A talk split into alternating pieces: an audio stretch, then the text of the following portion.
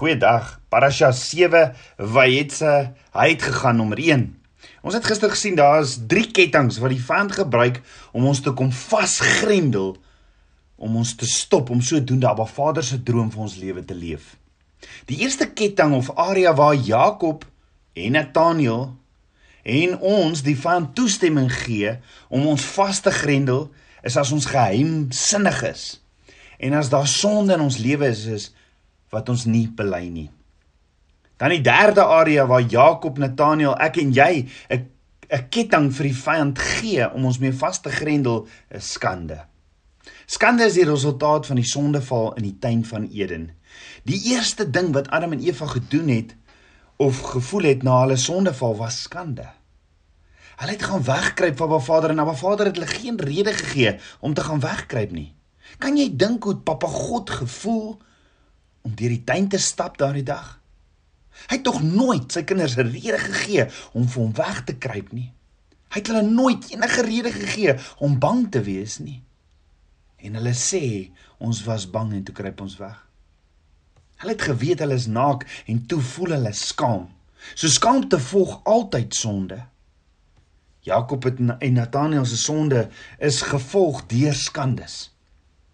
Ek en jy kry ook skandes in ons lewens weens sonde en dalk sit jy vandag nog met skandes. Dis van jy weet Abba Vader het jou lief en het jou vergewe, maar as gevolg van jou skande sit jy nog met sekere nagevolge. En dit was nooit Abba Vader se plan dat ons met hierdie nagevolge moet sit nie. Sommige van ons deel met dinge wat ons in die verlede gedoen het wat ons nooit ooit wou of moes gedoen het nie. So hoe is hierdie skandes 'n ketting vir die vyand om ons vas te bind? Die vyand staan met hierdie ketting in sy hand en hy weet jy dra nog skande saam en sodra jy begin opstaan in geloof om Yeshua te volg en om hierdie diensbare bruid in die koninkryk van Abba Vader te wees, dan sê die vyand nee nee nee nee nee, nee roef, wag 'n bietjie jy boetie. Ek het 'n ketting hier van jou, gaan sit jy maar weer in jou hoekie. Dat ek jou kan vasbind met hierdie ketting. Die vyand kom sê ook verder vir jou, jy's nie goed genoeg nie. En onthou, ek sit met hierdie ketting, hierdie skandes van jou, jy is vas. Moenie vergeet van jou skandes nie, hoor. Want verseker het Jakob met skandes gesit. So wat is die antwoord? Hoe doen ek hierdie? Hoe staan ek op en en en doen ek dit waarvoor Abba Vader my geroep het, dit waarvoor hy my geskaap het, soos Jakob en Nathaniel? Hoe weerstaan ek hierdie ketting wat my bind van die vyand? En die antwoord is 'n goddelike afspraak. Dis die sleutel. Jakobus 4 vers 8 sê nader tot God en hy sal tot jou nader. Reinig die hande julle sondaars en suiwer die harte julle dubbelhartiges. Jy sien Jakob het 'n goddelike afspraak gehad met Abba Vader. Ons weet Jakob vlug van sy broer Esau, sy pa Isak en en en en sy ma Rebekka af met 'n geheim met met sondes in sy hart en hy sit met skandes dit wat hy teenoor sy pa en sy broer gedoen het. En Jakob hardloop. Hy hardloop 4 dae lank weg. Maar hoor gou-gou. Jakob hardloop na 'n plek toe wat ek glo hy al van gehoor het. Ja, ja, Jakob hardloop na 'n plek toe weg van hierdie geheimsinnigheid van sondes en van skandes af.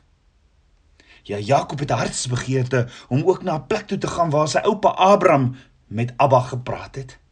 Waar sy pa Isak met Abba Vader gepraat het En waar's dit? Die woord sê die plek. Onthou Jakob is op pad na Haran toe, sy ma Rebekka se broer Laban toe.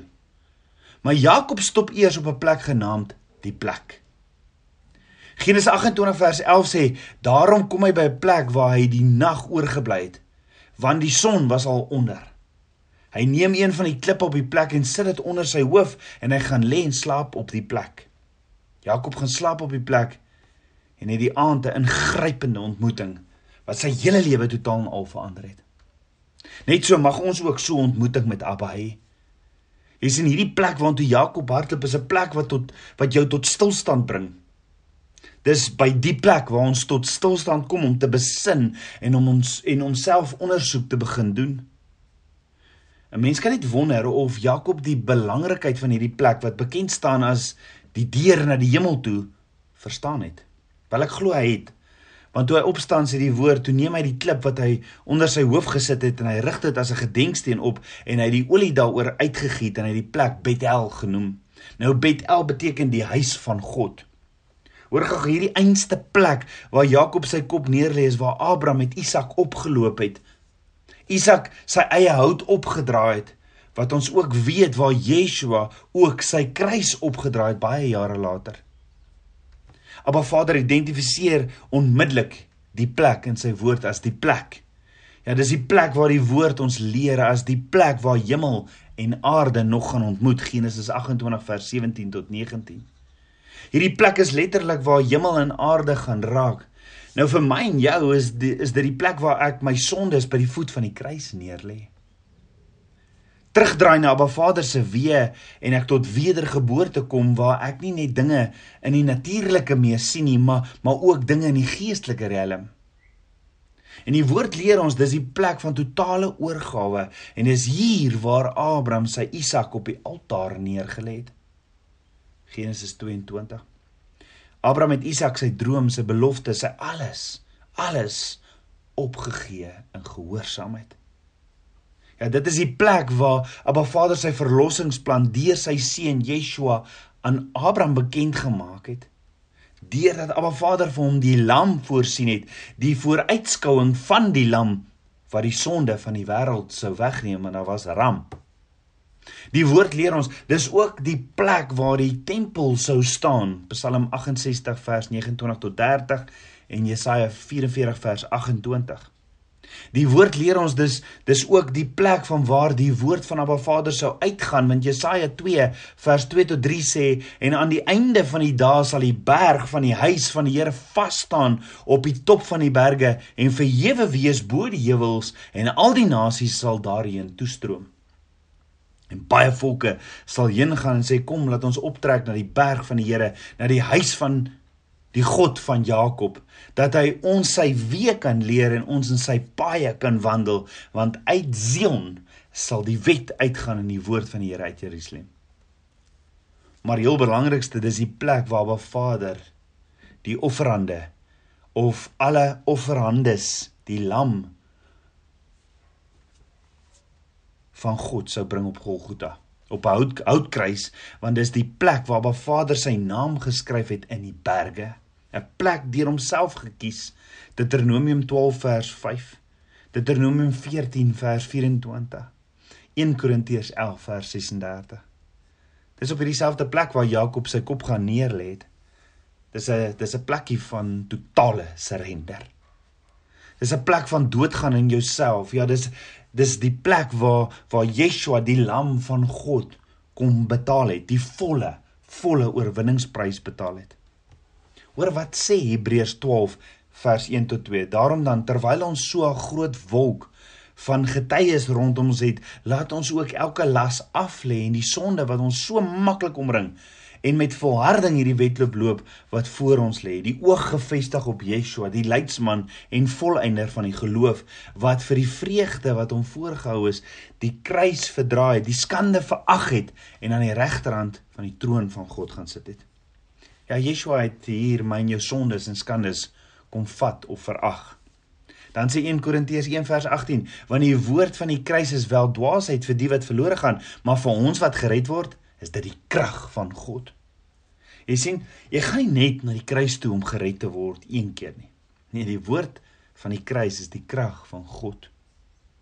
Met ander woorde, ek hou aan om my geheimenisse, dit wat in die geheim is wat die vyand my mee vasbind te bely Ek hou aan om my sondes te bely daagliks en om my skandes te bely by die kruis. So dalk het die vyand met kettinge in sy hande gesit om my en jou ook te stop om die droom van 'n Vader te leef, maar waar Vader sit met die sleutel wat alle kettinge breek en wat ons vrymaak. Maar Vader se sleutel is dit wat sy seun reeds gedoen het aan die kruis vir my en jou. Die kruis is die sleutel. As die vyand van Abba Vader sê ja, maar kyk wat sê en doen roef alles verkeerd. Ek gaan hom vasketting dan sê Abba Vader nee nee nee nee Satan. Kyk kyk wat het my seun vir hom gedoen aan die kruis wat alle kettinge breek.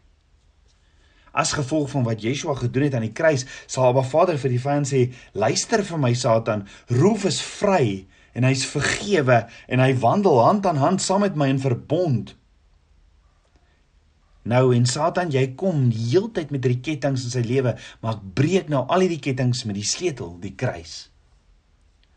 Dit wat my seun vir hom kom doen het. Jy sien Johannes 8 vers 32 sê die waarheid wat jy ken maak jou vry. So die vraag is, hoekom nie soos Jakob, Abba Vader nader of soos Nathanael besluit om Yeshua te volg nie?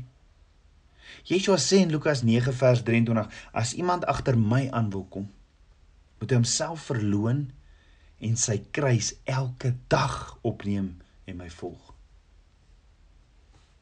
Dis wat Nathanael onvoorwaardelik gedoen het want onthou Nathanael sit met issues, sondes en skandes onder die vyeboom en en, en wat twyfel hy's Nathanael twyfel maar hy, hy is gekies deur Yeshua as disipel om hom te volg. Nathanael wat vir Yeshua sê van waarvandaan ken jy my? En Yeshua antwoord en sê vir hom voordat Filippus jou geroep het toe jy onder die vyeboom was het ek jou gesien. Hoor gou-gou. Nathanael antwoord en sê vir Yeshua Rabbi, hy is die seun van God. Hy is die koning van Israel. En Yeshua antwoord en sê vir hom glo jy omdat ek vir jou gesê het ek het jou onder die vyeboom gesien? Jy sal groter dinge sien as dit. En Yeshua sê vir hom: "Voorwaar, voorwaar ek sê vir julle, van nou af sal julle die hemel geopen sien en die engele van God opklim en neerdal op die seun van die mens." So om oor te ponder. Is dit nie wat Jakob in sy droom gesien het, hierdie leer met engele wat op en af klim nie? En dink daaroor. Hoekom gaan die engele eers op en dan kom hulle af? Kom ons bid saam. Aba Vader, skieper van my hart, Vader, ek loof en ek prys U.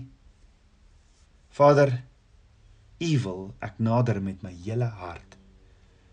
Kom vergewe my en was my van enige geheimenisse, enige sondes en skandes. Ek wil U disipel wees. Kom leef in my meer en meer van U verborge manna. Ek bid dit alles in Yeshua Messie se naam, die seun van Jahweh. Shalom.